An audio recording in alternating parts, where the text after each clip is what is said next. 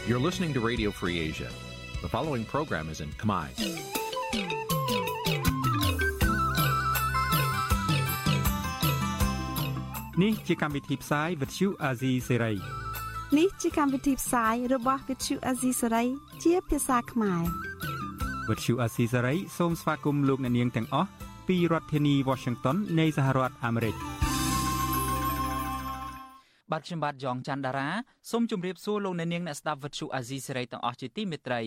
បាទខ្ញុំបាទសូមជូនកម្មវិធីផ្សាយសម្រាប់យប់ថ្ងៃពុធ5កើតខែមិញឆ្នាំបោះបាទសំទោសឆ្នាំថោះបញ្ញស័កពុទ្ធសករាជ2567ដែលត្រូវនឹងថ្ងៃទី14ខែកុម្ភៈគ្រិស្តសករាជ2000គ្រិស្តសករាជ2024បាទជាដំបូងនេះសូមអញ្ជើញអស់លោកនាងស្ដាប់ព័ត៌មានប្រចាំថ្ងៃដែលមានមេត្តាដូចតទៅ។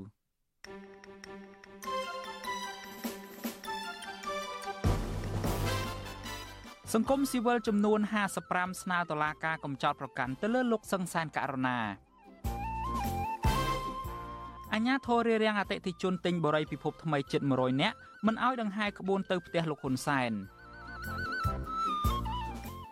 យុវជនមួយចំនួនបរិច្ចាគឈាមដើម្បីជួយសង្គ្រោះអ្នកជំងឺនៅក្នុងថ្ងៃបុណ្យនៃសេចក្តីស្រឡាញ់លោកហ៊ុនម៉ាណែតបញ្ជាឲ្យអភិបាលខេត្តផ្អាកការផ្ដល់អាជ្ញាប័ណ្ណលបែងអនឡាញ រួមនឹងព័ត៌មានសំខាន់សំខាន់មួយចំនួនទៀត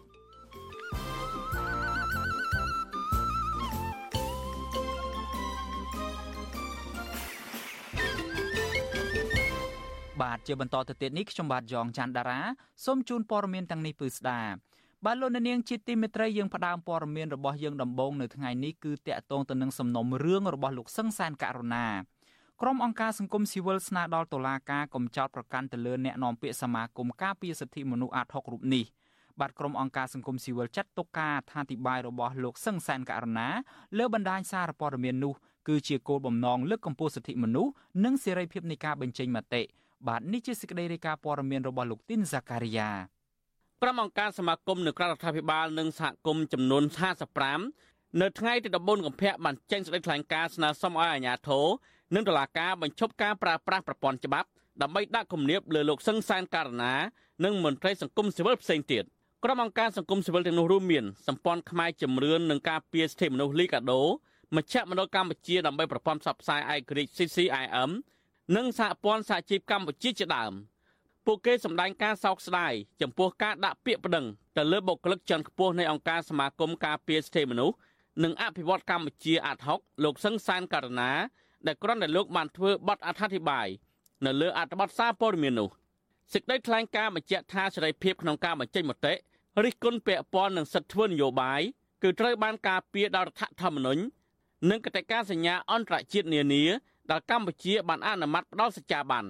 ចំណែកការនិយាយនៅក្នុងអត្ថបទសារព័ត៌មានមិនគួរត្រូវបានគេប្តឹងពីបទល្មើសព្រហ្មទណ្ឌនោះឡើយ សេចក្តីថ្លែងការណ៍ដដែលលើកឡើងថាការដាក់គំនាបតាមរយៈផ្លូវតុលាការនេះគឺជាឧទាហរណ៍មួយដែលសកម្មជនសិទ្ធិមនុស្សសហជីពសកម្មជនបរិស្ថានយ៉ាងតិចណាស់37នាក់ត្រូវបានចោទប្រកាន់និងជាប់ឃុំខ្លួនក្នុងពន្ធនាគារក្រុមអង្គការសង្គមស៊ីវិលចាត់ទុកថាការដាក់គំនាបនេះមានគោលបំណងរារាំងការចូលរួមរបស់សាធារណជន និងបំបិតសម្លេងរិះគន់ក្រុមអង្គការសង្គមស៊ីវិលស្នើឲ្យភាគីដើមបណ្ដឹង គឺគណៈបកប្រជាជនកម្ពុជាដកពាក្យប្តឹងនិងស្នើសុំដល់តុលាការពិចារណាមិនចោតប្រកាន់លើលោកសង្សានករណា អង្គការសង្គមស៊ីវិលក៏អំពាវនាវដល់អាជ្ញាធរបញ្ឈប់គ្រប់ទម្រង់នៃការរំលោភបំពានលើអ្នកការពារសិទ្ធិមនុស្សនិងសកម្មជនសង្គមវិទ្យុអសិរ័យមិនអាចតាក់ទងមេធាវីការពារក្តីឲ្យគណៈបកប្រជាជនកម្ពុជាលោកសាំងវណ្ណៈនិងអ្នកនាំពាក្យគណៈបកប្រជាជនកម្ពុជាលោកសុកអេសានដើម្បីសំសួរអំពីបញ្ហានេះបានទេនៅថ្ងៃទី14កុម្ភៈ កាលពីថ្ងៃទី5កុម្ភៈក្រុមមេធាវីរបស់គណៈបកកៅអំណាចចោទថាការថ្លែងរបស់លោកសង្សានករណានៅលើសារព័ត៌មាន The Cambodia Daily ធ្វើឲ្យប៉ះពាល់ធ្ងន់ធ្ងរដល់កិត្តិយសរបស់គណៈបកប្រជាជនកម្ពុជា និងជាអំពើបង្កចលាចលក្រុមមេធាវីតំណាងឲ្យគណៈបកកៅអំណាចបានสนំពរឲ្យតុលាការចាប់ប្រកាន់និងផ្ដន្ទាទោសលោកសង្សានករណារួមទាំងទាមទារសំណងជំងឺចិត្តឲ្យគណៈបកកណ្ដាលអំណាច ចំនួន2000លានរៀលស្មើនឹងប្រមាណកន្លះលានដុល្លារនាយកប្រតិបត្តិនៃសមាគមបណ្ដាញយុវជនកម្ពុជាលោកហេងកំហុងលើកឡើងថាការបញ្ចេញមតិរបស់លោកសង្សានករណាគឺក្នុងគោលដៅលើកកម្ពស់ការគោរពសិទ្ធិមនុស្សច្បាប់យុត្តិធម៌សង្គមនិងប្រជាធិបតេយ្យនិងមិនមានចេតនាវាយប្រហារគណៈបកនយោបាយណាមួយនោះឡើយលោកហេងកំហុងបន្តថាគណៈបកកណ្ដាលអំណាចដែលជាដើមបណ្ដឹងគួរតែដកពាក្យបណ្ដឹង និងបើកចិត្តឲ្យទូលាយដើម្បីជាការលើកកម្ពស់សេរីភាពបញ្ចេញមតិនៅកម្ពុជាចង់មិនចង់នៅក្នុងសង្គមប្រជាធិបតេយ្យសេរីភាពបញ្ចេញមតិគឺជារឿងសំខាន់ពលរដ្ឋតែងតែមានទស្សនៈរបស់ខ្លួនរៀងរៀងខ្លួនហើយនរណាមានទស្សនៈផ្ទុយទស្សនៈស្របអីនឹងវាជាទស្សនវិជ្ជាទូទៅនៃសង្គមប្រជាធិបតេយ្យណាយ៉ាងណាមិញលោកនាយរដ្ឋមន្ត្រីហ៊ុនសែនក៏គណៈបព្វជិជនកម្ពុជានឹងក៏គួរតែមានចិត្តទូលាយហើយក៏ជាការចូលរួមចំណែកបង្ហាញអំពីស្មារតីលើកម្ពុជាប្រជាធិបតេយ្យនិងសិទ្ធិសេរីភាពបញ្ចេញមតិដែរបាទ សារព័ត៌មាន The Cambridge Daily កាលពីថ្ងៃទី2កុម្ភៈបានចង់សម្ដីលោកសឹងសានករណាទៅចុះផ្សាយថាវិវាទរបស់អ្នកនយោបាយគួរតែបញ្ឈប់ដោយអ្នកនយោបាយមិនគួរប្រើប្រាស់ប្រព័ន្ធតុលាការមកដោះស្រាយនោះទេហើយគណៈបកកណ្ដាលអំណាចជាគណៈបកសម្បូរធនធាន មានថាវិការច្រើនគណៈបកនេះគួរតែយកយល់ដល់លោកសុនឆៃគណៈបកកណ្ដាលអំណាចតែងតែយកតុលាការមកធ្វើជារបាំងក្នុងការគៀបសង្កត់ដៃគូនយោបាយរបស់ខ្លួន និងថាគណៈបកនយោបាយទាំងអស់គួរតែប្រើវិធីចាស់ទុំដើម្បីធ្វើការប្រកបប្រជែងគ្នាគួរបញ្ឈប់នៅវប្បធម៌គម្រិតកំហែងដែលគូនយោបាយរបស់ខ្លួនដើម្បីទុកជាគំរូសម្រាប់អ្នកនយោបាយចំនួនក្រោយជាដើមទោះជាយ៉ាងណាសារព័ត៌មាន The Cambodia Daily បានកែប្រែសម្រងសម្ដីរបស់លោកសឹងសានករណាខ្លះវិញក្រោយពីមានការប្តឹងពីគណៈបកកណ្ដាលអំណាចនេះនៅក្រៅពេលលោកហ៊ុនសែនបញ្ជាឲ្យមេធាវីប្តឹងលោកសឹងសានករណានោះលោកសឹងសានករណាលើនេះ បាននៅទីកន្លែងដែលមានសុវត្ថិភាពមួយនេះមិនមែនជាលើកទី1ទេដែលលោកហ៊ុនសែនប្តឹងមកលើមន្ត្រីអង្គការសង្គមស៊ីវិលទៅតុលាការដោយសារតែការបញ្ចេញមតិនោះជាស្ដែងកាលពីឆ្នាំ2020លោកហ៊ុនសែនដល់កាលនោះកាន់តំណែងជានាយករដ្ឋមន្ត្រីបានប្រមានចាប់ខ្លួននាយកចាត់ការទូតនៃអង្គការសិទ្ធិមនុស្សលីកាដូលអំសំអាតដែលចោទថាអ្នកខ្លំមើលសិទ្ធិមនុស្សរូបនេះនិយាយការពារអ្នកផ្សព្វផ្សាយព័ត៌មានមិនពិតពីជំងឺ Covid-19 នៅលើបណ្ដាញសារព័ត៌មានជាដើម។ខ្ញុំបាទធីនសាការីយ៉ាអស៊ីសេរី ប្រធានីវ៉ាស៊ីនតោនបាទលោកនាងជាទីមេត្រីតកតងទៅនឹងរឿងក្តីក្តាំនៅតុលាការនេះដែរ គឺថាសហគមន៍សំរោងត្បូងដែលរស់នៅជាប់បឹងតាមុកស្ថិតនៅក្នុងសង្កាត់សំរោងត្បូងខណ្ឌព្រែកភ្នៅរាជធានីភ្នំពេញស្នើយ៉ាងទទូចដល់តុលាការឲ្យទម្លាក់ចោលការចាប់ប្រកាន់ទៅលើតំណាងសហគមន៍ទាំង6នាក់តកតងទៅនឹងការរៀបរៀងអាញាធរមិនឲ្យរុះរើតូបលក់ដូររបស់ពួកគាត់កាលពីខែធ្នូឆ្នាំ2023កន្លងទៅ។ តំណាងសហគមន៍សំរោងត្បូងលោកស្រីគង់ទឿប្រាប់វិទ្យុអាស៊ីសេរីនៅថ្ងៃទី14ខែកុម្ភៈនេះថាតុលាការនៅរុស្ស៊ីលនេះបានសួរដេញដោលលោកស្រីអំពីការប្រាស្រ័យអំពើហិង្សាទៅលើអាញាធរក៏ប៉ុន្តែលោកស្រីអះអាងថាលោកស្រីនិងប្រជាសហគមន៍មិនបានប្រាស្រ័យអំពើហិង្សាឬមួយក៏រារាំងអាញាធរដោយការចោទប្រកាន់របស់តុលាការនោះទេលោកស្រីបន្ថែមថាក្រមអាជ្ញាធរខណ្ឌព្រែកភ្នៅ កាលពីថ្ងៃទី19ខែធ្នូឆ្នាំ2023កន្លងទៅនោះដែលមានគ្នាប្រមាណ20នាក់ស្ថិតនៅក្នុងស្ថានភាពស្រវឹងបានពាក់មួកសុវត្ថិភាពនិងពាក់ម៉ាស់បិទមុខប្រដាប់ដោយញញួរពូថៅនិងរណាយន្តបានចុះមុខរុះរើផ្ទះនិងតូបលក់ដូររបស់លោកស្រី ដែលមានចម្ងាយប្រមាណ3ម៉ែត្រពីចិញ្ចើមផ្លូវ។ ពាក្យតារាតារាគាត់គាត់សារចុះសារឡើងទៅបានគាត់សម្រួលថាបើអញ្ចឹងសួរពីរឿងប្តីប្តីចូលមានវាយអាញាធរដែរខ្ញុំថាប្តីខ្ញុំតាមទងជាតិគាត់អត់មានវាយអីទេព្រោះគាត់រកលើឈាមដែរគាត់អត់មានចង់ប៉ះពាល់អីទាំងអស់ដល់ពេលគេសួរកូនខ្ញុំថាកូនខ្ញុំអាប្រុសនៅថតនៅឡាយបានថតបានឡាយឃើញគេធ្វើបាបម្ដាយអើឃើញម្ដាយជជែកជាមួយអាញាធរឃើញថតដល់ទៅពេលកូនស្រីទាំងពីរនោះវាខ្លាចខ្ញុំលើឈាមវាឈរទប់ខ្ញុំហើយដូចតែមីងអំភឿននៅពោចៅក៏មាននៃការឡើងតុលាការដែរហើយតៅនីហ្នឹងគាត់អត់មានដឹងអីសោះអត់មានហេតុផលអូមានឈ្មោះឡើងតុលាការដែរបាទលោកស្រីគង់ទឿស្នើដល់តុលាការទម្លាក់ចោលការចោទប្រកាន់ទាំងអស់លើប្រជាសហគមន៍សំរោងត្បូងទាំង6នាក់ បាទការស្នើសុំបែបនេះគឺនៅស្របពេលសាលាដំបងរាជធានីភ្នំពេញនៅរុស្ស៊ីលថ្ងៃទី14ខែកុម្ភៈនេះបានបើកសវនាការដើម្បីសាកសួរទៅលើសំណុំរឿងហិង្សាដោយចេតនាធ្វើឲ្យខូចខាតដោយចេតនានិងប្រឆាំងនឹងអ្នករាជការសាធារណៈទៅលើប្រជាសហគមន៍សំរោងត្បូងចំនួន2នាក់គឺលោកស្រីគង់ទឿនិងប្តីរបស់លោកស្រី គឺលោកគឹមគឹមយ៉ននៅក្នុងចំណោមប្រជាសហគមន៍ចំនួន6នាក់ តាក់ទងទៅនឹងការរៀបរៀងអាញាធរមិនឲ្យរុះរើតូបលក់ដូររបស់ពួកគាត់កាលពីខែធ្នូឆ្នាំ2023កន្លងទៅទៅតាមពាក្យបណ្ដឹងរបស់ឈ្មោះសុកបានបាទវិទ្យុអាស៊ីសេរីនៅមិនទាន់អាចតាក់ទងแนะនាំពាក្យសាលាដំបងរាជធានីភ្នំពេញលោកអ៊ីរិនដើម្បីសុំការអធិប្បាយជុំវិញបញ្ហានេះបាននៅឡើយទេ នៅថ្ងៃទី14ខែកុម្ភៈនេះ រដ្ឋាភិបាលបានចេញអនុក្រឹត្យកាត់ផ្ទៃបឹងតាមុកជិត80ដងមកហើយ ដែលបានកែប្រែផ្ទៃបឹងតាមុកពីទំហំសរុបជាង3200ហិកតា មកនៅត្រឹមទំហំជាង2400ហិកតាបាទអ្នកដែលទទួលបានដីនោះគឺជាខ្សែស្រឡាយរបស់លោកហ៊ុនសែននិងមន្ត្រីជាន់ខ្ពស់រដ្ឋាភិបាលនិងមន្ត្រីជាន់ខ្ពស់នៅក្នុងជួរគណៈបកប្រជាជនកម្ពុជាជាដើមដែលជិតស្និទ្ធនឹងត្រកូលហ៊ុន ប្រជាពលរដ្ឋក្រីក្រជាង200គ្រួសារដែលរស់នៅតំបន់នោះជាង30ឆ្នាំមកហើយនោះបែរជាត្រូវបានអាជ្ញាធរបណ្តេញចេញពីលំនៅឋានរបស់ខ្លួននិងជាប់បណ្តឹងនៅតុលាការទៅវិញកម្មវិធី Vithu Azizi ស្រីសម្រាប់ទូរស័ព្ទដៃអាចឲ្យលោកអ្នកនាង អានអត្ថបទទស្សនាវីដេអូនិងស្ដាប់ការផ្សាយផ្ទាល់ដោយឥតគិតថ្លៃនិងដោយគ្មានការរំខាន ដើម្បីអាននិងទស្សនាមេតិការថ្មីថ្មីពី Vithu Azisari លោកអ្នកនាងគ្រាន់តែចុចបាល់កម្មវិធីរបស់ Vithu Azisari ដែលបានដំឡើងរួចរាល់លើទូរស័ព្ទដៃរបស់លោកអ្នកនាងប្រសិនបើលោកអ្នកនាងចង់ស្ដាប់ការផ្សាយផ្ទាល់ឬការផ្សាយចាស់ចាស់សូមចុចលើប៊ូតុងរូប Vithu ដែលស្ថិតនៅផ្នែកខាងក្រោមនៃកម្មវិធីជាការស្រេច។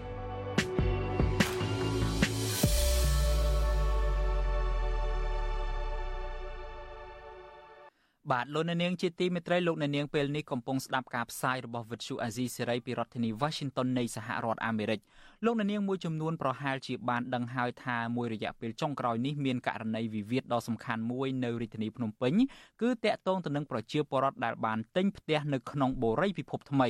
ដែលពួកគាត់នៅពេលនេះកំពុងមានវិវាទជាមួយនឹងក្រុមហ៊ុន បាទនៅថ្ងៃនេះអាជ្ញាធរខណ្ឌកំពូលរាជធានីភ្នំពេញបានស្ទាក់ដំណើរអតិថិជនទិញផ្ទះនៅក្នុងបរិយាពិភពថ្មីចំនួនជិត100នាក់ដែលក្រុងនាំគ្នាដើរដង្ហែទៅសុំអន្តរាគមន៍ដល់ផ្ទះអតីតនាយករដ្ឋមន្ត្រីគឺលោកហ៊ុនសែនបាទមន្ត្រីអង្គការសង្គមស៊ីវិលស្នើដល់ភាគីទាំងពីរគួរតែបើកកិច្ចចរចាដើម្បីសម្របសម្រួលរោគដំណោះស្រាយរួមមួយដែលអាចទទួលយកបានទាំងអស់គ្នាបាទសូមលោកអ្នកនាងស្ដាប់សេចក្តីរាយការណ៍ព័ត៌មាននេះរបស់អ្នកស្រីសុជីវីដូចតទៅ អតិថិជនបរិយពិភពថ្មីជិត100នាក់ដែលកំពុងប្រឈមការរឹបអូសផ្ទះនៅថ្ងៃទី14ខែកុម្ភៈបានប្រមូលផ្ដុំគ្នានៅខណ្ឌកំពូលដោយគ្រងដើរដង្ហែទៅភូមិគ្រឹះលោកហ៊ុនសែននៅក្រុងតាខ្មៅខេត្តកណ្ដាលដើម្បីសុំការអន្តរាគមន៍ឲ្យក្រុមហ៊ុនព្រមទទួលទិញផ្ទះវិញ ក្នុងតម្លៃ50%ទៅតាមការសន្យាប៉ុន្តែក្បួនដង្ហែនេះត្រូវអាជ្ញាធរកងសន្តិសុខខណ្ឌកំពូលរារាំងដោយកម្លាំងចម្រុះ បានយកឡានទៅដាក់ទទឹងផ្លូវ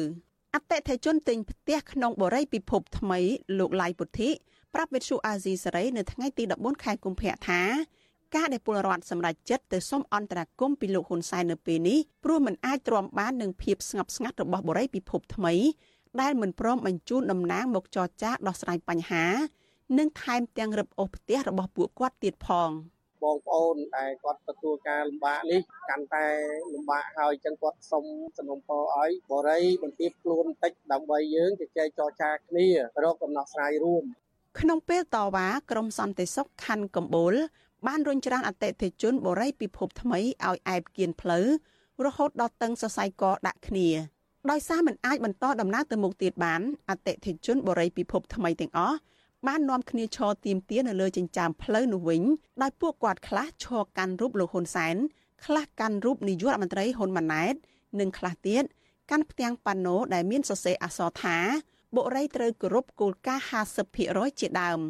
អតិថិជនទិញផ្ទះក្នុងបរិយាពិភពថ្មីម្នាក់ទៀតលោកស្រីជាងបញ្ញាលើកឡើងថាការប្រមូលផ្ដុំគ្នាទៅតវ៉ាសូមអន្តរាគមន៍នៅមុខផ្ទះប្រធានឧត្តមក្រុមប្រឹក្សាព្រះមហាក្សត្រលោកហ៊ុនសែននៅពេលនេះ ដោយសារតែពួកគាត់អស់ទំនុកចិត្តលើកិច្ចអន្តរាគមន៍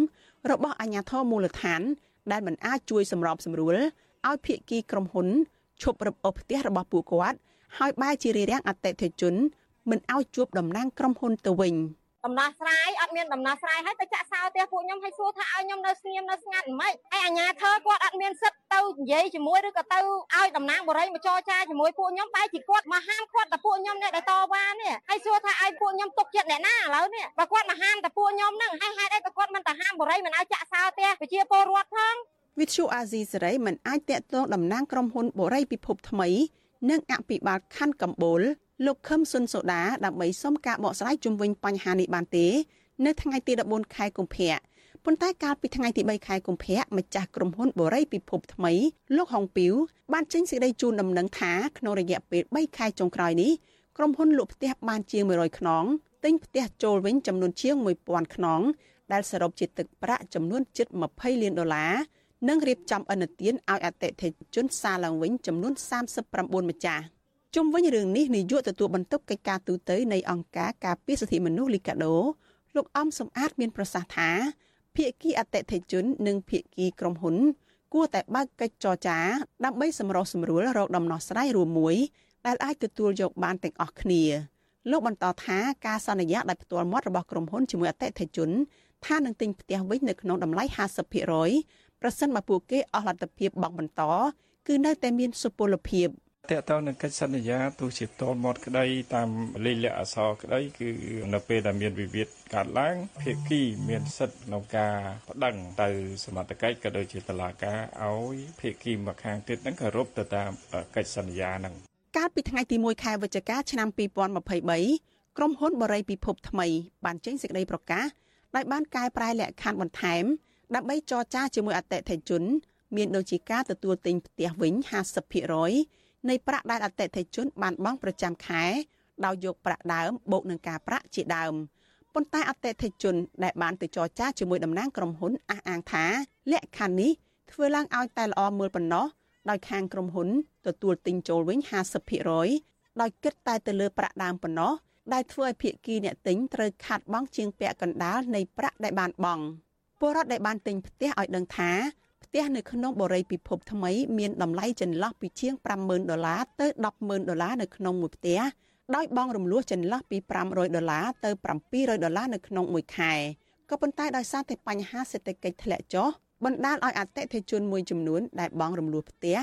បាត់បង់ប្រាក់ចំណូលនិងត្រូវបង្ខំចិត្តដាក់ស្លាកលក់បន្ទាន់និងខ្លះទៀតត្រូវភៀកគីបរិយបង្ខំឲ្យចុះចេញទាំងបង្ខំ ដែលធ្វើឲ្យទស្សនវិជ្ជានៅក្នុងបរិយពិភពថ្មីកាន់តែស្ងប់ស្ងាត់ពីមួយថ្ងៃទៅមួយថ្ងៃទោះជាបែបនេះក្តីក្រុមហ៊ុនបរិយពិភពថ្មី នៅតែបន្តរឹបអូសផ្ទះអតិថិជន ដែលខកខានបង់ជូនក្រុមហ៊ុនជាបន្តបន្ទាប់ក្នុងនោះផ្ទះរបស់អតិថិជនមួយចំនួនត្រូវបានក្រុមហ៊ុនផ្សារដែកបិទជិតឬចាក់សោពីខាងក្រៅនិងដាក់ស្លាកថាផ្ទះរបស់ក្រុមហ៊ុនអនុវត្តតាមកិច្ចសន្យាវិធានការនេះបានធ្វើឲ្យអតិថិជនមួយចំនួន ដែលត្រូវបរិយពិភពថ្មីរឹបអូសផ្ទះធ្លាក់ខ្លួនក្រីក្រ បាត់បង់ទីជម្រក និងជំពាក់បំណុលធនាគារអតិថិជនទិញផ្ទះពីបរិយពិភពថ្មីដែលចេញមកតវ៉ាលើកឡើងថាពួកគាត់នឹងបន្តស្វែងរកកិច្ចអន្តរាគមន៍ពីលោកហ៊ុនសែនបន្តទៀតក្នុងនោះពួកគាត់ក៏គ្រោងនឹងដាក់ញត្តិនៅខុទ្ទកាល័យនាយករដ្ឋមន្ត្រីផងដែរដោយពួកគាត់មិនបណ្ដោយឲ្យកម្លាំងញើសឈាមដែលពួកគាត់ខំរកស្ទើរពេញមួយជីវិតនេះបាត់បង់ទៅដោយទទេឡើយនាងខ្ញុំសុជីវី វិទ្យុអាស៊ីសេរីពីរដ្ឋធានី Washington បាទលោកនាងជាទីមេត្រីឥឡូវនេះខ្ញុំមានព័ត៌មានមួយចង់ជម្រាបជូនលោកអ្នកនាងទៀតគឺតាក់ទងទៅនឹងលោក Gen Z និងក្រុមហ៊ុន Prince Group លោកអ្នកនាងជាទីមេត្រីលោកអ្នកនាងជ្រាបទេថាគ្រាន់តែនៅក្នុងរយៈពេលមិនដល់ជាង8ឆ្នាំផងសម្ព័ន្ធក្រុមហ៊ុន Prince Group របស់មហាសេដ្ឋីវ័យក្មេងជនជាតិចិនដែលចូលសញ្ជាតិកម្ពុជាគឺលោក Gen Z ដែលជាទីប្រឹក្សារបស់នាយករដ្ឋមន្ត្រីហ៊ុនម៉ាណែតនិងអតីតនាយករដ្ឋមន្ត្រីហ៊ុនសែននោះរកលុយបានមិនតិចជាង1500លានដុល្លារអាមេរិកនោះទេ បាទអុកញ៉ារូបនេះដំបូងឡើយបានបោះទុនវិនិយោគតែ2លានដុល្លារប៉ុណ្ណោះនៅលើវិស័យអចលនទ្រព្យនៅកម្ពុជាកាលពីឆ្នាំ2011ដោយអះអាងថាជាទឹកប្រាក់កម្ចីពីឪពុកមាម្នាក់របស់លោកនៅថ្ងៃនេះវិទ្យុអាស៊ីសេរីទើបនឹងចេញផ្សាយអត្ថបទទី2នៅក្នុងចំណោមសេចក្តីរាយការណ៍ចំនួន3ភាគអំពីសម្ព័ន្ធក្រុមហ៊ុន Prince Group បាទអត្ថបទទី2របស់យើងនេះផ្ដោតទៅលើភាពមិនប្រក្រតីជាច្រើននៅក្នុងប្រតិបត្តិការអាជីវកម្មរបស់សម្ព័ន្ធក្រុមហ៊ុននេះនៅក្រៅប្រទេសវិទ្យុអាស៊ីសេរីបានរកឃើញទ្រព្យសម្បត្តិដែលមានតម្លៃជាង1500លានដុល្លារអាមេរិកនិងការវិនិយោគនៅក្នុងប្រទេសចំនួន31ដែលអ្នកគ្រប់គ្រងជាន់ខ្ពស់របស់សម្ព័ន្ធក្រុមហ៊ុន Prince Group នេះមានភាគហ៊ុននៅក្នុងប្រទេសទាំងនោះ។ ទោះបីជាយ៉ាងណាសម្ព័ន្ធក្រុមហ៊ុនមួយនេះមិនដែលបញ្ចេញឲ្យដឹងនៅព័ត៌មានទាំងស្រុងនៃទ្រព្យសម្បត្តិរបស់ខ្លួនទាំងនេះឡើយសម្ព័ន្ធក្រុមហ៊ុននេះអះអាងថាកំណើនរាប់ពាន់លានដុល្លារនៃទ្រព្យសម្បត្តិរបស់ក្រុមហ៊ុននេះនៅក្នុងរយៈពេល8ឆ្នាំចុងក្រោយនេះគឺដោយសារតែការអនុវត្តសាជីវកម្មប្រកបដោយសុភវិនិច្ឆ័យហើយរហូតមកដល់នឹងពេលថ្មីថ្មីនេះគឺដោយសារតែការរីកចម្រើនឥតឈប់ឈរយ៉ាងឆាប់រហ័សនៃទីផ្សារអចលនទ្រព្យនៅក្នុងប្រទេសកម្ពុជា។ ក៏ប៉ុន្តែការស៊ើបអង្កេតរបស់វិទ្យុអាស៊ីសេរីបានលាតត្រដាងឲ្យដឹងថាក្រុមហ៊ុនមួយដែលគ្រប់គ្រងដោយលោក Chen Zi គឺក្រុមហ៊ុន Amiga Entertainment ដែលចុះបញ្ជីនៅលើកោះ Isles of Man ដែលស្ថិតនៅក្នុងចន្លោះចក្រភពអង់គ្លេសនិងប្រទេសអៀកឡង់មែនតែនទៅនោះគឺជាក្រុមហ៊ុនសម្បកមួយដែលប្រើប្រាស់យុទ្ធវិធីនៃការលាងលុយកខ្វក់ដែលជាប់សង្ដែលជាប់សង្ស័យទាំងនេះ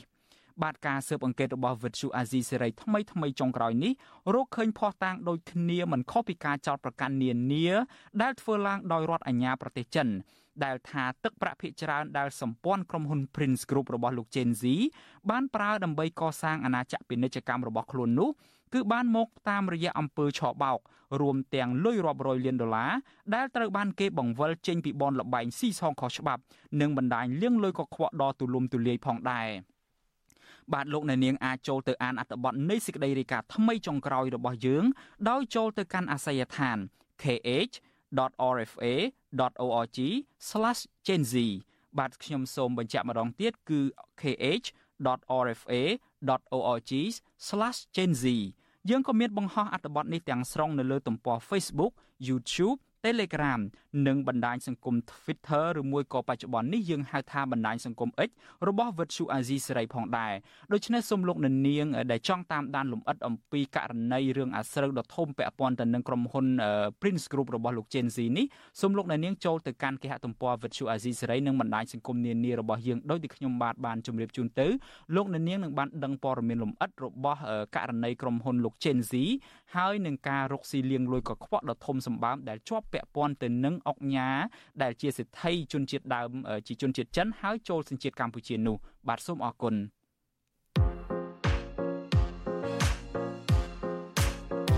ខ្ញុំខ្លួនឯងនឹងក៏ធ្លាប់សម្ភាសលោកអុកទូចដែលយកស្បែកជើងគប់លោកហ៊ុនសែនតែម្ដងមិនមែនត្រឹមតែគប់រូបទេសួរថាហេតុអីបានជាគាត់សម្រេចចិត្តថា នៅកណ្ដាលទីសាធារណៈនៅកណ្ដាលការឃ្លាំមើលពីកងសន្តិសុខចំពោះការពីនាយករដ្ឋមន្ត្រីប្រមុខរដ្ឋាភិបាលនៃប្រទេសមួយមកសហរដ្ឋអាមេរិកហ្នឹងគាត់ហ៊ានធ្វើគាត់បានឆ្លើយថាការឈឺចាប់នឹងគឺថាអំពើអយុត្តិធម៌អឺចាប់មនុស្សសម្លាប់ចាប់មនុស្សដាក់គុកការបំផ្លាញព្រៃឈើការមិនគិតគូរអំពី បូរណភាពដែនដីអីគ្រប់យ៉ាងទាំងអស់គឺថាមានរឿងគ្រប់យ៉ាងទាំងអស់នៅក្នុងទ្រូងទីបំផុតទៅសម្រាប់ចិត្តថាវាទៅជាស្អីក៏ដោយចោះក៏ត្រូវតែលើកយកស្បែកជើងគប់ដែរចុះសុខាពេលនោះតើមានអីខ្លះពីពុបគាត់គប់ធម្មតាអត់អីគប់ឲ្យថតដាក់វី Facebook ទៀតវាលយយ៉ាងទៀតចាអឺហេតុផលកត្តាតាមពិតខ្ញុំថតវីដេអូនោះខ្ញុំអត់មានគោលបំណងថានឹង អឺនឹងផុសប៉ុន្តែលក្ខណៈមួយគំនិតគឺគិតថាថ្ងៃណាមួយខ្ញុំចង់បង្ហាញឲ្យគាត់ដឹងពីការឈឺចាប់ចង់ឲ្យគាត់យកចិត្តគេមកដាក់ចិត្តខ្លួនឯងនៅពេលដែលក្រុមបកពួកនិយមរបស់គាត់ធ្វើការកាប់បំពង់ផ្លាកហែកផ្លាកណាកាត់ក្ដួលក៏ដូចជាដុតអីសពសារពើហើយដោយដូចថាអឺមកខាងគណៈបព្វឆាំតែពួកគាត់មិនមានការតតឬក៏ អ្វីប្រហាទៅលើពាក្យសម្ដីអ្វីទៅកាន់គណៈបព្វជិជនវិញគឺអត់ទេប៉ុន្តែដូចថាមើលមកគណៈបព្វឆាំត្រជាក់មិនមានការតបតកាន់តែកើនកាន់តែធ្វើ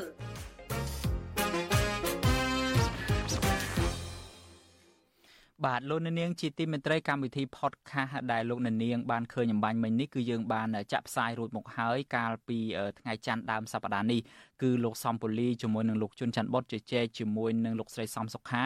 ដែលធ្លាប់យកស្បែកជើងគប់ស្លាកគណៈបព្វជិជនកម្ពុជាគឺជាពិសេសគឺគប់សម្ដៅទៅលើរូបរបស់លោកហ៊ុនសែន ហើយលោកអ្នកនាងដែលខកខានមិនបានទស្សនាកម្មវិធី podcast នេះលោកអ្នកនាងអាចចូលទៅកាន់ Facebook របស់អាស៊ីសេរីហើយនឹងបណ្ដាញសង្គមផ្សេងទៀតរបស់យើងលោកអ្នកនាងនឹងបានទស្សនាពេញលេញទាំងស្រុងជាវីដេអូថែមទៀតអំពីកម្មវិធី podcast កម្ពុជាសប្តាហ៍នេះដែលយើងបានចាក់ផ្សាយកាលពីដើមសប្តាហ៍កន្លងទៅនេះបាទសូមអរគុណបាទលោកអ្នកនាងជាទីមេត្រីលោកអ្នកនាងមួយចំនួនប្រហែលជាបានជ្រាបស្រាប់ហើយថានៅថ្ងៃទី14កុម្ភៈនេះគឺជាទិវានៃសេចក្តីស្រឡាញ់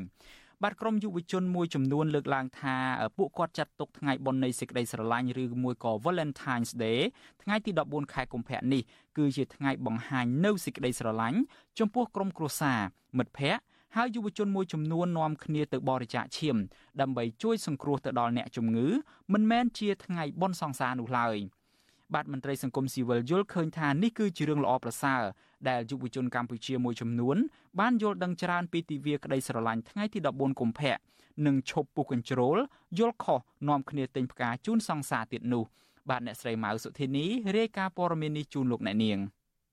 ក្រមយុវជន សង្កេតឃើញថានៅតាមដងផ្លូវក្នុងទីប្រជុំជនពុំសូវមានការដាក់តាំងលក់ផ្កាច្រើនស្អេកស្កះដូចពេលមុននោះឡើយ ដែលឡែកកន្លែងកំសាន្តមួយចំនួនក៏មានស្ថានភាពស្ងប់ស្ងាត់បើទោះបីជាផ្ទះសំណាក់ខ្លះបានបញ្ចុះតម្លៃពិសេសក្នុងថ្ងៃនេះក្តីនិស្សិតសិក្សាផ្នែកសង្គមវិទ្យានៅរាជធានីភ្នំពេញ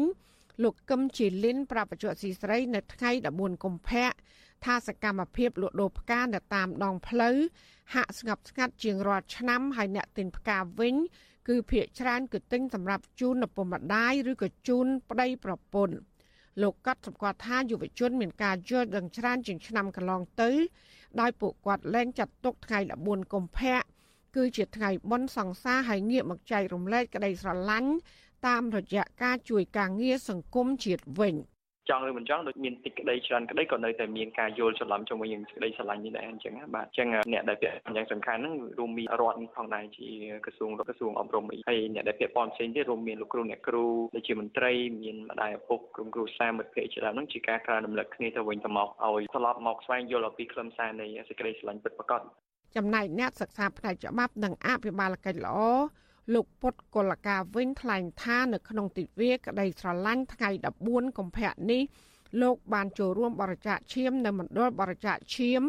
ចិត្តមន្ទីរប៉េរុស៊ីដើម្បីជួយដល់ជនរងគ្រោះដែលត្រូវការឈាមលោកថាយុវជនមួយចំនួនយកខុសពីអត្តន័យថ្ងៃ14កុម្ភៈដែលចាត់ទុកថាថ្ងៃនេះគឺធ្វើឡើងសម្រាប់គូសង្សារបង្ហាញពីក្តីស្រឡាញ់ដោយលះបង់ខ្លួនប្រាណ។ ក្រៅពីយើងស្រឡាញ់មនុស្សនោះគឺយើងអាចស្រឡាញ់សហគមន៍ក៏សង្គមជាតិរបស់យើងពីព្រោះមានអ្នកជំងឺជនរងគ្រោះពីបញ្ហាគ្រោះថ្នាក់ចរាចរណ៍គ្រោះថ្នាក់អ្នកជំងឺផ្សេងៗនៅតាមទីពេទ្យតាមអីហ្នឹងគឺគាត់កំពុងតែជួបបញ្ហាកង្វះឈាមអញ្ចឹងមានថាយើងគូគប្បីស្រឡាញ់ពួកគាត់ដែរព្រោះពួកគាត់គឺជាអ្វីត្បិតតែមិនបានប្រើតកូលជាមួយគ្នាមិនបានរស់នៅក្នុងដំបូលផ្ទះជាមួយគ្នាក៏ប៉ុន្តែយើងមានដំបូលផ្ទះធំមួយជាមួយនេះគឺយើងជាប្រជាជនខ្មែរទាំងអស់គ្នាយើងមានឈាមជ័រយើងមានសញ្ជាតិតែមួយគឺសញ្ជាតិខ្មែរ នៅតាមបណ្ដាញសង្គម Facebook ប្រជាប្រដ្ឋក៏បានបង្ហោះសារជូនពរគ្នានិងចែករំលែកក្តីស្រឡាញ់លែងសូវមានការបង្កប់អត្តន័យនៃការរួមភេទដោយមុនទៀតឡើយកន្លងទៅប្រជាប្រដ្ឋកម្ពុជាជាពិសេសយុវវ័យនិងសាសានុសិស្សយល់ច្រឡំថាទិវាក្តីស្រឡាញ់ថ្ងៃ14កុម្ភៈគឺជាថ្ងៃបុណ្យសង្សារឬទៅថ្ងៃសម្រាប់ការរួមភេទជាមួយដៃគូស្នេហ៍ចំណែកឯគុតកោ Nagawal វិញ ឆ្លៀតនាំគ្នាបត់ផ្កាលួចដើម្បីរកប្រាក់គ្រប់គងជីវភាព និងចែកផ្កាដោយឥតគិតថ្លៃនៅខាងមុខក្រុមហ៊ុន Nagavel ជារៀងរាល់ឆ្នាំទាំងក្រសួងវប្បធម៌ក្រសួងអប់រំក្រសួងកិច្ចការនារីនិងអាជ្ញាធររាជធានីភ្នំពេញចេញសេចក្តីប្រកាសផ្សព្វផ្សាយពីទិវាក្តីស្រឡាញ់14កុម្ភៈឲ្យយល់ដឹងពីខ្លឹមសារនិងឈប់យល់ច្រឡំពីអត្តន័យនៅថ្ងៃនេះរហូតដល់មានសកម្មភាពរួមភេទ ដែលធ្វើឲ្យប៉ះពាល់ដល់វប្បធម៌ប្រពៃណីនិងសុខភាពទិវាក្តីស្រឡាញ់ Valentine Day គឺជាវប្បធម៌របស់ប្រទេសលោកខាងលិចហើយដែលថ្ងៃនេះបង្កើតឡើងសម្រាប់បង្ហាញពីការស្រឡាញ់រវាងឪពុកម្ដាយនិងកូនឬក៏អ្នកដែលមានទំនាក់ទំនងរាប់អានគ្នា ដោយមិនបានសំដៅលើការរួមរយៈស្នេហានោះឡើយទន្ទឹមគ្នានេះអាជ្ញាធរជាតិប្រយុទ្ធប្រឆាំងជំងឺអេដស កាលពីថ្ងៃទី13ខែកុម្ភៈក៏បានចេញលិខិតអំពាវនាវឲ្យយុវជនបញ្ឈប់សកម្មភាពយកថ្ងៃ14កុម្ភៈជាថ្ងៃរួមភេទដែលប៉ះពាល់ដល់សុខភាពនិងបង្កឲ្យឆ្លងមេរោគអេដសវត្តឈូអសីស្រីមិនអាចតាក់ទងប្រធានក្រុមអ្នកនាំពាក្យក្រសួងវប្បធម៌លោកសុំម៉ាប់និងអ្នកនាំពាក្យក្រសួងអប់រំអ្នកស្រីខួនវិជ្ជការដើម្បីសុំការបញ្ជាក់បន្ថែមបានទេនៅថ្ងៃទី14ខែកុម្ភៈ ជុំវិញបញ្ហានេះអ្នកត្រាវជ្រាវឯករាជ្យផ្នែកសុខភាពសាធារណៈលោកតុងសុប្រាជសង្កេតឃើញថាឆ្នាំនេះយុវជនយល់ដឹងច្រើនពីថ្ងៃ14កុម្ភៈដែលធ្វើឲ្យចំនួនយុវវ័យយកថ្ងៃនេះជាការរួមភេទចុះមកសល់ត្រឹមជាង2%ប៉ុណ្ណោះហើយបើធៀបទៅនឹងកាលពីឆ្នាំ2009គឺមានចំនួនជាង12% យើងមានន័យថាបើសិនជាយើងផ្អាកនឹងហើយមានន័យថាការផ្អាកនឹងមានន័យថាយើងបានឲ្យបង្ហាញជាសាធារណៈឬមកក៏ជាគោលការណ៍គឺថាកុំឲ្យបរទេសគេគេមើលមកថាស្រុកយើងហាក់បីដូចជាជួយឆាវឬមកក៏នៅថ្ងៃនេះដីស្រឡាញ់នឹងវាមាននៅចាប់អារម្មណ៍ទៅទៀតអញ្ចឹងយើងព្យាយាមតម្លាក់បិទហ្មងក៏ល្អដែរអញ្ចឹងណាប៉ុន្តែសកម្មភាពរបស់លោកគ្រូអ្នកគ្រូហើយនិងបេដាបេដាសិស្សក៏ដូចជាលោកគ្រូអ្នកគ្រូក៏ដូចជាលោកនាយកគាត់ធ្វើទៅរបស់គាត់តាមធម្មតាទៅអញ្ចឹងណាលោកតុងសុប្រាជក៏បានចេញរបាយការណ៍មួយកាលពីថ្ងៃទី12ខែកុម្ភៈដែលមានចំណងជើងថាបញ្ចប់ការសិក្សាបែបបរិមាណវិស័យមួយដើម្បីពិនិត្យឡើងវិញនៅបទពិសោធន៍និងការរៀបចំផែនការរបស់យុវវ័យដែលមានទ្រព្យសម្បត្តិបង្គួររស់នៅរាជធានីភ្នំពេញសម្រាប់ថ្ងៃនៃក្តីស្រឡាញ់ការសិក្សាស្រាវជ្រាវនេះធ្វើឡើងដើម្បីស្វែងរកពីផែនការជាក់លាក់ របស់យុវវ័យដែលមានទ្រព្យសម្បត្តិបង្គួរនៅរាជធានីភ្នំពេញដែលក្រុងរួមភេទនៅថ្ងៃនៃក្តីស្រឡាញ់តាមរយៈការសម្ភាសជាមួយយុវជន ចំនួន71500នាក់បានបង្ហាញថាការចាប់អារម្មណ៍រួមភេទបានចុះពាក់កណ្ដាលបើធៀបទៅនឹងកាលពីឆ្នាំ2009ដែលមានជាង12%គឺបានចុះមកដល់ត្រឹមជាង2%ប៉ុណ្ណោះ ទោះជាបែបនេះក្តីលោកតុងសប្រាជរកឃើញថាក្នុងឆ្នាំ2024យុវវ័យ24%បានបង្ខំឲ្យមិត្តស្រីរួមភេទនៅថ្ងៃ14កុម្ភៈហើយ32%បង្ហាញថាពួកគេនឹងរួមភេទប៉ះសិនបើមិត្តស្រីរបស់ពួកគេបានយល់ព្រមក្រមយុវជននិងមន្ត្រីសង្គមស៊ីវិលស្នើឲ្យក្រសួងវប្បធម៌និងក្រសួងពាក់ព័ន្ធចូលរួមផ្សព្វផ្សាយពីអត្តន័យនៃទិវាក្តីស្រឡាញ់ថ្ងៃ14កុម្ភៈ ឲ្យកាន់តែទូលំទូលាយជាពិសេសគឺនៅតាមសាលារៀនផ្ទះសំណាក់និងស្ថាគារជៀសវាងមានយុវវ័យមិនទាន់គ្រប់អាយុយកទិវាក្តីស្រឡាញ់ជាថ្ងៃលះបង់ខ្លួនប្រាណចានាងខ្ញុំម៉ៅសុធានីវិទ្យុអសីស្រីប្រធានាធិបតី Washington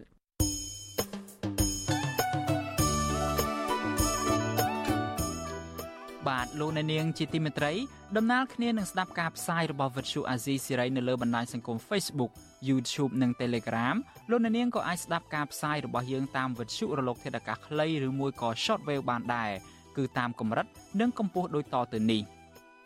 ពេលព្រឹកចាប់ពីម៉ោង5កន្លះដល់ម៉ោង6កន្លះតាមរយៈប៉ុស SW 93.90 MHz ស្មើនឹងកម្ពស់ 32m និងប៉ុស SW 11.85 MHz ស្មើនឹងកម្ពស់ 25m ពេលយប់ចាប់ពីម៉ោង7កន្លះដល់ម៉ោង8កន្លះតាមរយៈប៉ុស SW 93.30 MHz ស្មើនឹងកម្ពស់ 32m ប៉ុស SW 11.88 MHz ស្មើនឹងកម្ពស់ 25m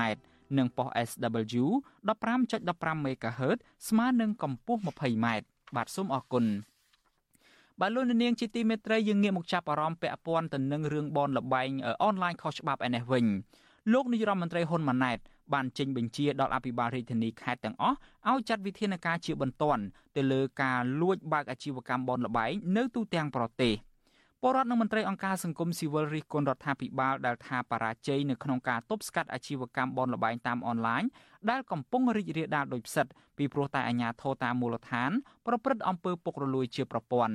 បាទសូមលោកអ្នកនាងស្ដាប់សេចក្តីរាយការណ៍ព័ត៌មាននេះរបស់លោកជីវិតាដូចតទៅលោកនាយករដ្ឋមន្ត្រីហ៊ុនម៉ាណែតនៅថ្ងៃទី14កុម្ភៈ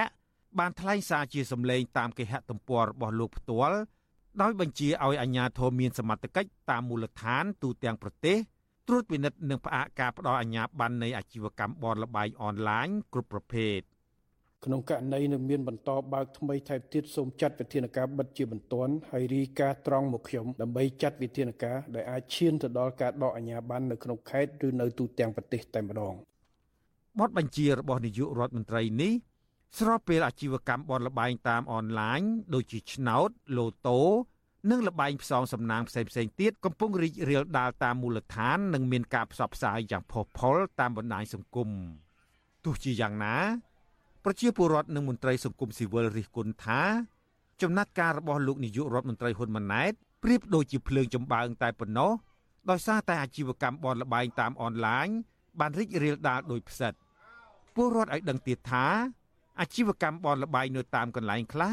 បើកដំណើរការទៅបានដោយសារតែមានការសម្របសម្រួលពីអាជ្ញាធរមូលដ្ឋានពលរដ្ឋម្នាក់នៅខេត្តកំពតលោកច័ន្ទវាសនា ប្រាប់វិទ្យុអាស៊ីសេរីថា ការភ្នាល់លបែងតាមអនឡាញនិងតាមទូរទស្សន៍នៅតែបន្តកើតមានច្រើន ជាពិសេសនៅតាមតូបកាហ្វេនិងកន្លែងលក់ដូរលោកបញ្ជាក់ថាមូលហេតុសមត្ថកិច្ចគ្មានការចុះបង្ក្រាបគឺដោយសារតែអាជ្ញាធរខ្លះទទួលសំណូកពីក្រុមឈ្មួញបើកបនលបែងទាំងនោះ។ ហើយដូចជាបងអូនខ្ញុំម្នាក់រត់ទៅដុំចឹងមកពីដឹកអីវ៉ៃអវ៉ាន់ហើយគាត់មកចូលផឹកកាហ្វេផឹកកាហ្វេដល់ហាងហ្នឹងដល់បលីមកចាប់ចាប់ដោយគាត់នៅខាងហាងអាអាមុខហាងហើយណាមួយបើចាប់មិនចាប់មកចាប់ផ្ទះហ្នឹងឆ្លល់ហើយមកចាប់អាអ្នកគេផឹកកាហ្វេនៅខាងក្រៅហើយគាត់ប្រាប់ដល់គាត់ប្រាប់ទៀតគាត់ថាមិនបានឃើញគេទៅចាប់អាមកចាប់ផ្ទះទេព្រោះអាមនុស្សអាមកចាប់ផ្ទះទៅវាស៊ីទូជាមួយអាជ្ញាធរដល់បងលើអាជ្ញាធរទៅគេចាប់តាអាអ្នកខាងក្រៅទេអាអ្នកអត់មានដឹងរឿងអីអត់មានចាក់លបែងចាក់អីគេចាប់តាហ្នឹងតែនៅខាងក្នុងនោះគេចាប់ហើយគេដោះវិញអាហ្នឹងដោះដោយសារលុយលុយគេតតវិទ្យុអាស៊ីសេរីមិនអាចតាក់ទងអភិបាលខេត្តកំពតលោកម៉ៅធនិននិងអគ្គលេខាធិការនៃគណៈកម្មការគ្រប់គ្រងលបែងពាណិជ្ជកម្មលោករស់ភិរុនដើម្បីសាកសួរជុំវិញរឿងនេះបានទេនៅថ្ងៃទី14កុម្ភៈរបាយការណ៍របស់ក្រសួងមហាផ្ទៃបង្ហាញថា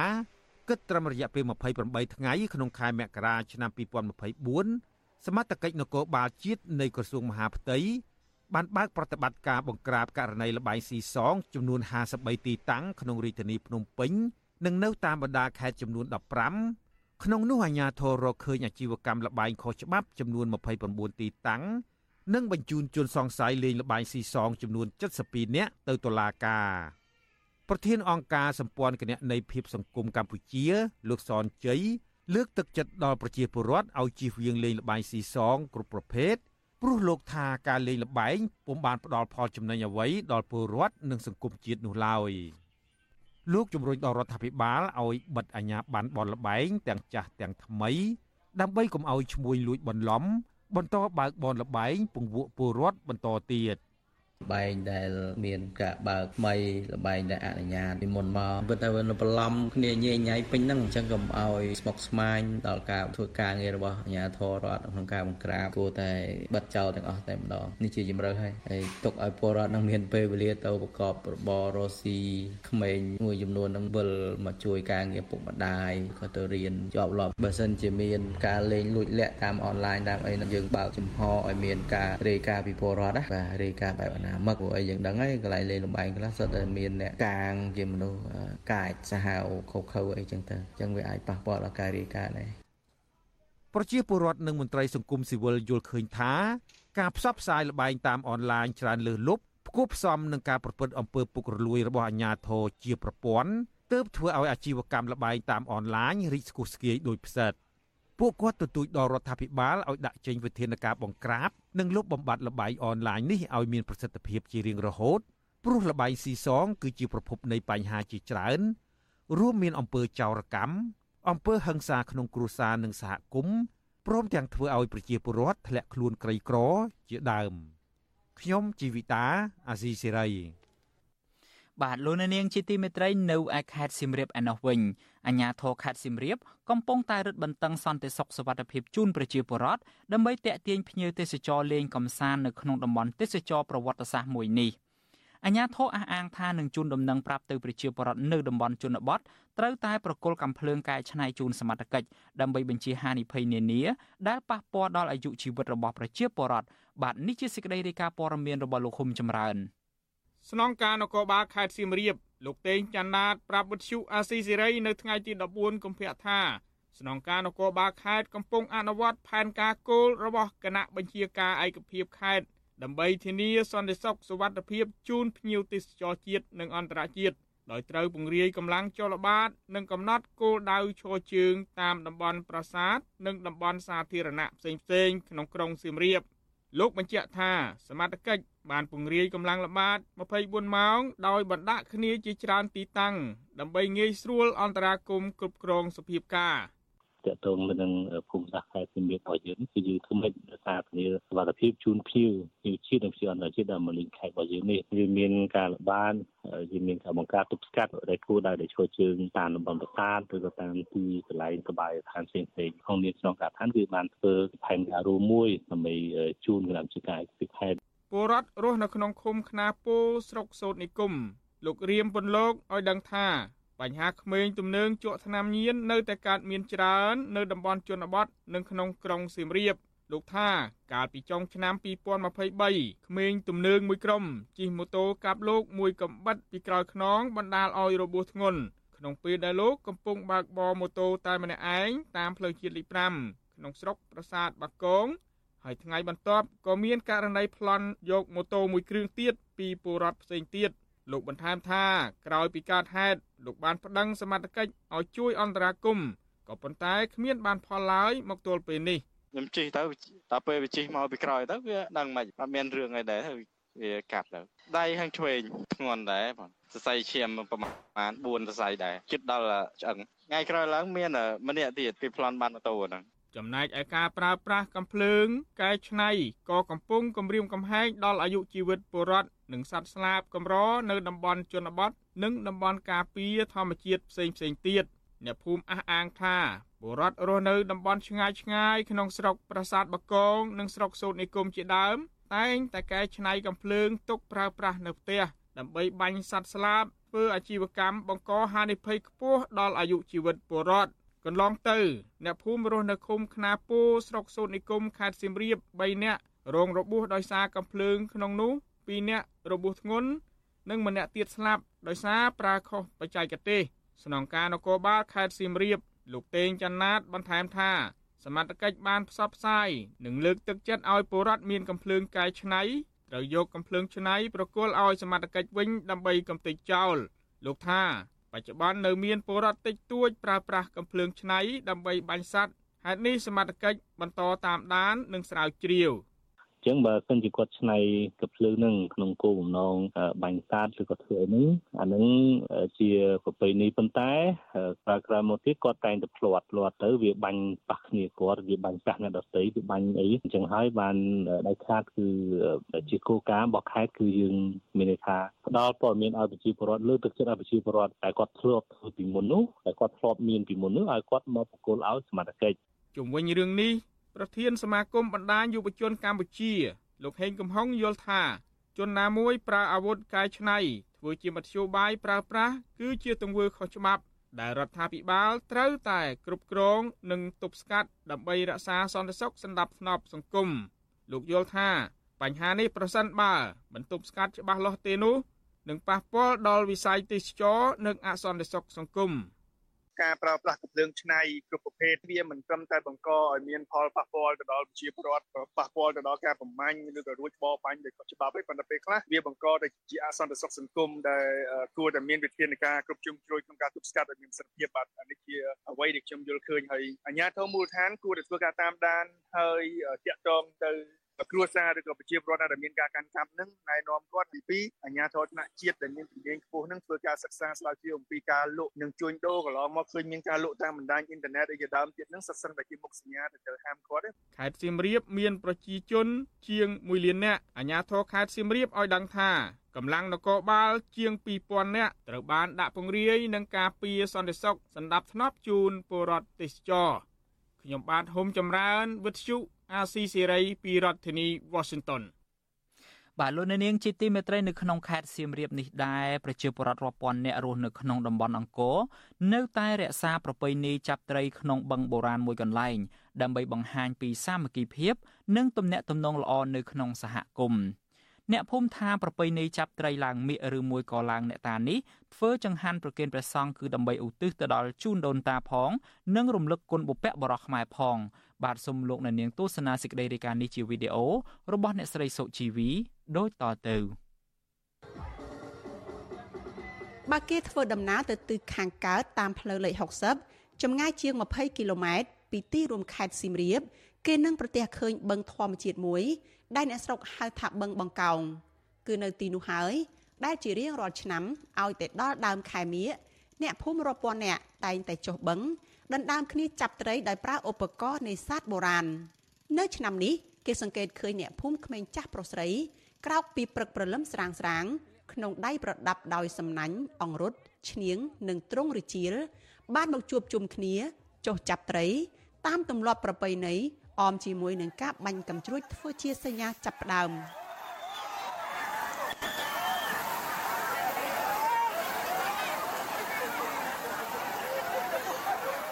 អ្នកភូមិទាំងនោះរស់នៅក្នុងភូមិបង្កោងឃុំអំពិលស្រុកប្រាសាទបកងពួកគេតែងប្រារព្ធពិធីឡើងមៀកឬឡើងអ្នកតាជារៀងរាល់ឆ្នាំនៅដើមខែមៀកឬនៅក្នុងខែកុម្ភៈអ្នកស្រុកអង្គររាប់ពាន់អ្នកនេះនៅព្រឹកថ្ងៃទី11ខែកុម្ភៈបានរួមគ្នាចុះចាប់ត្រីនៅក្នុងបឹងដើម្បីធ្វើជាម្ហូបអាហារនិងចង្ហាន់ប្រគេនព្រះសង្ឃសម្រាប់ថ្ងៃឡើងមៀកឬឡើងអ្នកតាដែលពួកគាត់ចាត់ទុកថាជាប្រពៃណីទំនៀមទម្លាប់បន្សល់ពីដូនតា ពលរដ្ឋចូលរួមចាប់ត្រីនៅក្នុងបឹងគឺលោកកងវុតប្រាប់វិទ្យុអាស៊ីសេរីនៅថ្ងៃទី12ខែកុម្ភៈថាតាមប្រពៃណីអ្នកភូមិមានពូនភ្នំស្រូវដើម្បីថ្វាយអ្នកតាម្ចាស់ទឹកម្ចាស់ដី និងរំលឹកគុណគោក្របី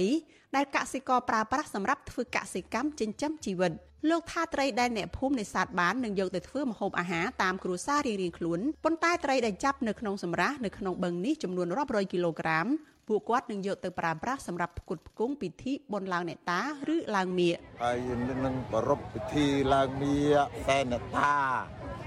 ហើយបានថាបរមរានមកបង្កើតមកឲ្យយើងធ្វើចោះតតគ្នាទៅបាទបឹងនេះយើងអភិរក្សយកតែក្នុងមួយភូមិបកងប៉ុន្តែដល់ឆ្នាំនេះមានភូមិឲ្យអ្នកក្រៅក្រៅអ្នកភូមិផ្សេងផ្សេងមកចូលរួមដែរ ថ្ងៃចុះចាប់ត្រីរបស់អ្នកភូមិនេះក៏មានការចូលរួមដោយអាជ្ញាធរមូលដ្ឋានភ្ញៀវទេសចរជាតិនិងអន្តរជាតិព្រមទាំងមានថតរូបភាពបង្ហោះវីដេអូតាមបណ្ដាញសង្គម Facebook បង្ហាញពីទស្សនវិជ្ជានេសាទត្រីរបស់អ្នកស្រុកអង្គរក្រោយពីចាប់ត្រីក្នុងបឹងរួចមនុស្សក្មេងចាស់ប្រុសស្រីជាច្រើនអ្នកបានអង្គុយជួបជុំគ្នាទទួលទានអាហាររួមគ្នា នៅជុំវិញបឹងនេះយ៉ាងសប្បាយរីករាយពិធីនេះអ្នកភូមិតែងប្រារព្ធជារៀងរាល់ឆ្នាំបន្ទាប់ពីបញ្ចប់ការងារច្រូតកាត់ និងទុកដាក់ស្រូវនៅក្នុងជង្រុករួចរាល់ពលរដ្ឋម្នាក់ទៀតនៅភូមិបង្កោងលោកលីសាទពន្យល់ថាពិធីនេះធ្វើឡើងដើម្បីសុំសេចក្តីសុខចម្រើន ធ្វើកសិកម្មបានផលច្រើន ពីអ្នកតាម្ចាស់ទឹកដី និងបង្ហាញពីសាមគ្គីភាពល្អតាមបណ្ដាំរបស់ដូនតាខ្មែរជុំជុំគ្នាទៅពីអង្គគេដុតប្រមូលអូនគេហូបជុំគ្នាម្ដងម្កាលហើយដូចនេះជុំគ្នា ហើយក៏វាបន្សល់ទុកអត្តសញ្ញាណនេះវាយូរណាស់មកហើយក៏ម្យ៉ាងទៀតគឺថាគឺថារំលឹកគុណដល់អ្នកដែលបានដឹកនាំពីដឹកពាក្យបរោះយើងដែលបានគីបន្សល់ទុកឲ្យកូនចៅយើងជំនាន់ក្រោយបឹងបង្កោងស្ថិតនៅក្នុងភូមិបង្កោងឃុំអំពិលស្រុកប្រាសាទបាគងខេត្តសៀមរាបមានទំហំសរុបជាង4ហិកតាអមដោយព្រៃឈើព័ទ្ធជុំវិញ បឹងនេះគ្រប់គ្រងដោយអាជ្ញាធរជាតិអប្សរាដែលអ្នកភូមិអភិរក្សត្រីរួមគ្នាទុកមិនអនុញ្ញាតឲ្យនេសាទផ្ដេសផ្ដាស់នោះទេដោយទុកសម្រាប់តែធ្វើពិធីចាប់ត្រីរួមគ្នា ក្នុងឱកាសបុណ្យឡើងមៀកឬឡើងអ្នកតាតែប៉ុណ្ណោះគឺក្រៅពីការរក្សានៅពេលនេះទំនៀមទម្លាប់អស្ចារ្យជួយផងរបស់កម្ពុជារបស់យើងក៏បានបង្ហាញពីតំណែង សាមគ្គីភាពរបស់បងប្អូនជាប្រដ្ឋនៅក្នុងមូលដ្ឋានរបស់យើងដែរហើយអឺនៅយើងនេះដូចខ្ញុំបានបញ្ជាក់មិញគឺថាស្រុកប្រាសាទបកគោនេះជាស្រុកបរតបបធរអញ្ចឹងនៅក្រៅពីប្រាង្គប្រាសាទយើងមានបបធររូបិយអរូបិយច្រើនមែនតើប៉ុន្តែបបធរទាំងអស់នេះបានកប់នៅក្នុងស្ទប់បងប្អូនហាជនមិនបានកប់ផ្សាយឡើយទេនេះ អ្នកស្រុកអង្គរចាត់ទុកបឹងបង្កោងថាជាប្រភពទឹកយ៉ាងសំខាន់សម្រាប់គួរក្របីនិងស្រោចស្រពស្រូវកសិកម្មតាំងពីបុរាណកាលមកបឹងបុរាណនេះហុំព័ទ្ធដោយដើមឈើខៀវស្រងាត់មានទេសភាពស្រស់បំព្រងដែលអ្នកស្រុកចាត់ទុកថាជាកន្លែងគោរពបូជាអារក្សអ្នកតាពូកែស័ក្តិសិទ្ធិបច្ចុប្បន្នបឹងនេះគោករាក់ដោយអន្លើប៉ុន្តែអ្នកភូមិបានស្នើឲ្យអាជ្ញាធរជីកស្ដារលក្ខណៈធម្មជាតិដោយមានការចូលរួមពិភាក្សាគ្នាជាមួយប្រជាសហគមន៍និងអាជ្ញាធរជាតិអប្សរា នាងខ្ញុំសុជីវី Virtual Azizi Serai ពីរដ្ឋធានី Washington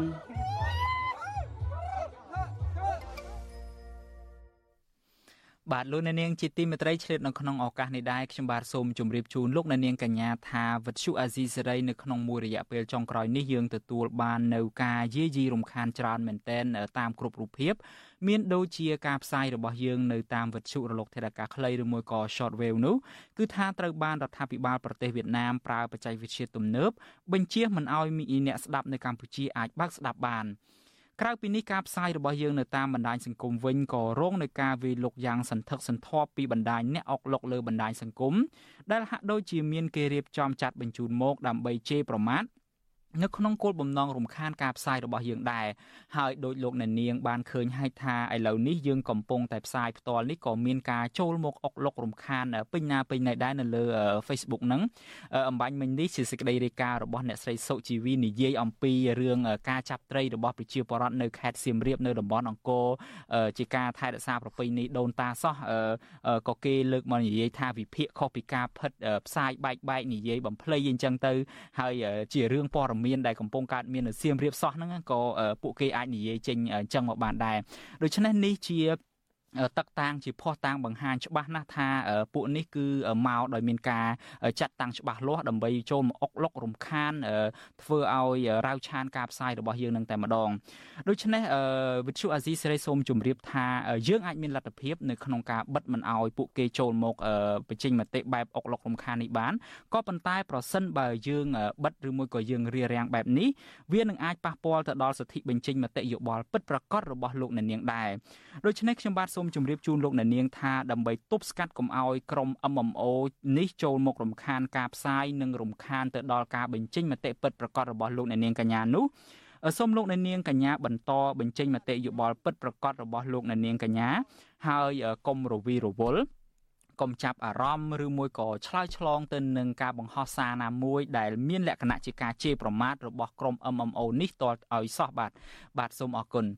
បាទលោកនាងកញ្ញាជាទីមេត្រីយើងមានព័ត៌មានមួយទៀតដែលរាយការណ៍ដោយកញ្ញាខណ្ឌលក្ខណាបាទកញ្ញាខណ្ឌលក្ខណាបានរាយការណ៍មកថាមន្ត្រីសហជីពបានផ្ដល់យោបល់ថារដ្ឋាភិបាលរបស់លោកហ៊ុនម៉ាណែតគួរតែចាប់ផ្ដើមកែតម្រង់ទៅតាមយន្តការដែលស្នើឡើងដោយអង្គការអន្តរជាតិខាងការងារឬមួយក៏ ILO និងសហភាពអឺរ៉ុបទើបអាចប្រកួតប្រជែងពាណិជ្ជកម្មអន្តរជាតិជាមួយនឹងប្រទេសថៃនិងប្រទេសវៀតណាមបាន។ បាទការលើកឡើងបែបនេះគឺក្រោយពីដែលលោកហ៊ុនម៉ាណែតបានថ្លែងឌឺដងដាក់អ្នករិះគន់មួយចំនួន ដែលដាស់តឿនលោកឲ្យមានការប្រុងប្រយ័ត្នចំពោះក្រុមហ៊ុនចិននោះបាទកញ្ញាខាន់លក្ខណាសូមជូនសេចក្តីរាយការណ៍ព័ត៌មាននេះដូចតទៅលោកនាយករដ្ឋមន្ត្រីហ៊ុនម៉ាណែតបានថ្លែងថាគម្រោងវិនិយោគដែលលោកដើរតាក់ម៉ួយបាន មិនមែនបានតែពីប្រទេសចិនដោយអ្នករិះគន់មួយចំនួននិយាយនោះទេប៉ុន្តែមានក្រុមហ៊ុនពី10ប្រទេស រួមទាំងក្រុមហ៊ុនពីសហរដ្ឋអាមេរិកនិងពីអឺរ៉ុបដែរក្នុងពិធីបិទសន្និបាតក្រសួងកាងារកាលពីថ្ងៃទី8កុម្ភៈលោកហ៊ុនម៉ាណែត បានថ្លែងចំអកដាក់អ្នករិះគន់ដោយលោកលើកឡើងថា លោកមិនចេះអួតនិងដើរតាក់ខ្យល់ទេ គឺក្រោមការដឹកនាំរបស់លោកជាង5ខែនេះដើរគៀងកបានវិស័យឯកជនច្រើនមកពីក្រៅប្រទេសគេថាអួតនិយាយតែខ្យល់គ្មានឃើញមនុស្សមកដល់ពេលមាន វិស័យឯកជនមកពីក្រៅក្រុមហ៊ុន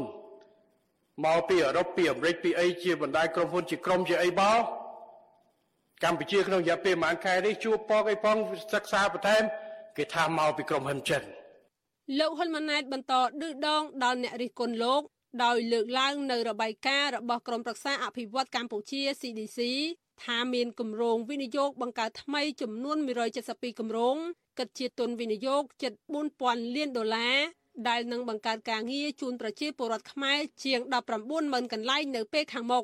ចាប់ផ្ដើមពីខែ8មកដល់ខែ1នេះមិនខ្យល់ទេ172គម្រោងទាំងគម្រោងវិនិយោគក្នុងស្រុកទាំងគម្រោងមកពីក្រៅមកពី10ប្រទេស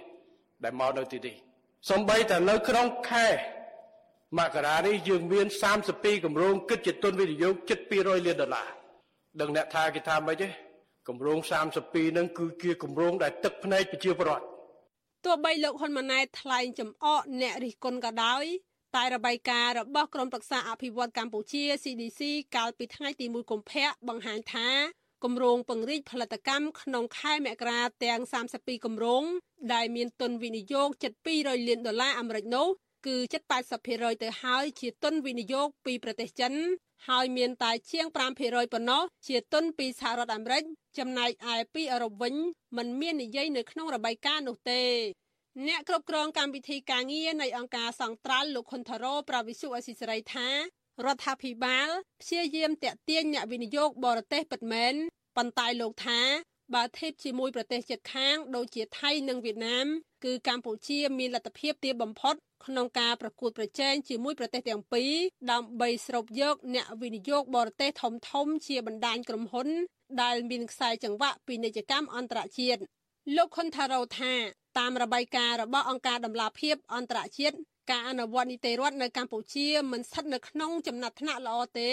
ប៉ុន្តែមានបញ្ហានៃស្ថានភាពសិទ្ធិមនុស្សនយោបាយនិងអំពើពុករលួយរីឯទិន្នន័យរបស់ក្រសួងមហាផ្ទៃការជួញដូរកម្លាំងពលកម្មនិងការជួញដូរមនុស្សនៅតែមានការកើនឡើង ហើយកត្តាទាំងនេះហើយដែលជាឧបសគ្គធ្វើឲ្យអ្នកវិនិយោគអន្តរជាតិមានការបារម្ភភាពប្រកួតប្រជែងយើងអត់មានអញ្ចឹងខ្ញុំអាចនិយាយថាបញ្ហាអំពើពុករលួយវាអាចពាក់ព័ន្ធទៅនឹងការលាងលុយកខ្វក់ហ្នឹងអាហ្នឹងខ្ញុំមិនមិននិយាយឲ្យ ឲ្យវាស៊ីជម្រៅទេប៉ុន្តែកន្លងមកហ្នឹងគឺយើងក៏ក៏ទទួលបាននៅការវិយតម្លៃអំពីស្ថាប័នអន្តរជាតិទាក់ទងទៅនឹងស្ថានភាពនៃការលាងលុយកខ្វក់នៅក្នុងប្រទេសកម្ពុជាដែរអញ្ចឹងធ្វើឲ្យអាហ្នឹងអ្នកវិនិយោគទុនអន្តរជាតិធំធំក្រុមហ៊ុនធំធំហ្នឹងគេគេខ្លាចគេមិនសូវគេមិនសូវមានសវត្ថភាពទេនៅក្នុងការដាក់ទុនវិនិយោគណា លើសពីនេះទៀតទោះបីលោកហ៊ុនម៉ាណែតថ្លែងឌឺដងអ្នករិះគន់ចំពោះការបារម្ភរបស់អ្នករិះគន់អំពីការប៉ះពាល់ផលប្រយោជន៍របស់ប្រជាពលរដ្ឋខ្មែរពីទង្វើរបស់ក្រុមហ៊ុនចិនក៏ដោយក៏លោកនាយករដ្ឋមន្ត្រីមិនអាចប្រកែកបានទេអំពីបញ្ហា ដែលបង្កើតឡើងដោយក្រុមហ៊ុនចិនមួយចំនួនតាមរបាយការណ៍របស់ក្រសួងសេដ្ឋកិច្ចកាលពីពេលថ្មីៗនេះ ការវិនិយោគរបស់ចិននៅខេត្តព្រះសីហនុកន្លងមក បានបន្សល់នៅអាគារខ្មោចចំនួន638អាគារដែលភ្នាក់ច្រើនត្រូវទុកចោលមិនទាន់សាងសង់រួចការបន្សល់ទុកនៅអាគារខ្មោចជាង600អាគារនៅខេត្តព្រះសីហនុមិនមែនជាលទ្ធផលអាក្រក់តែមួយរបស់ក្រុមហ៊ុនចិននៅកម្ពុជានោះទេ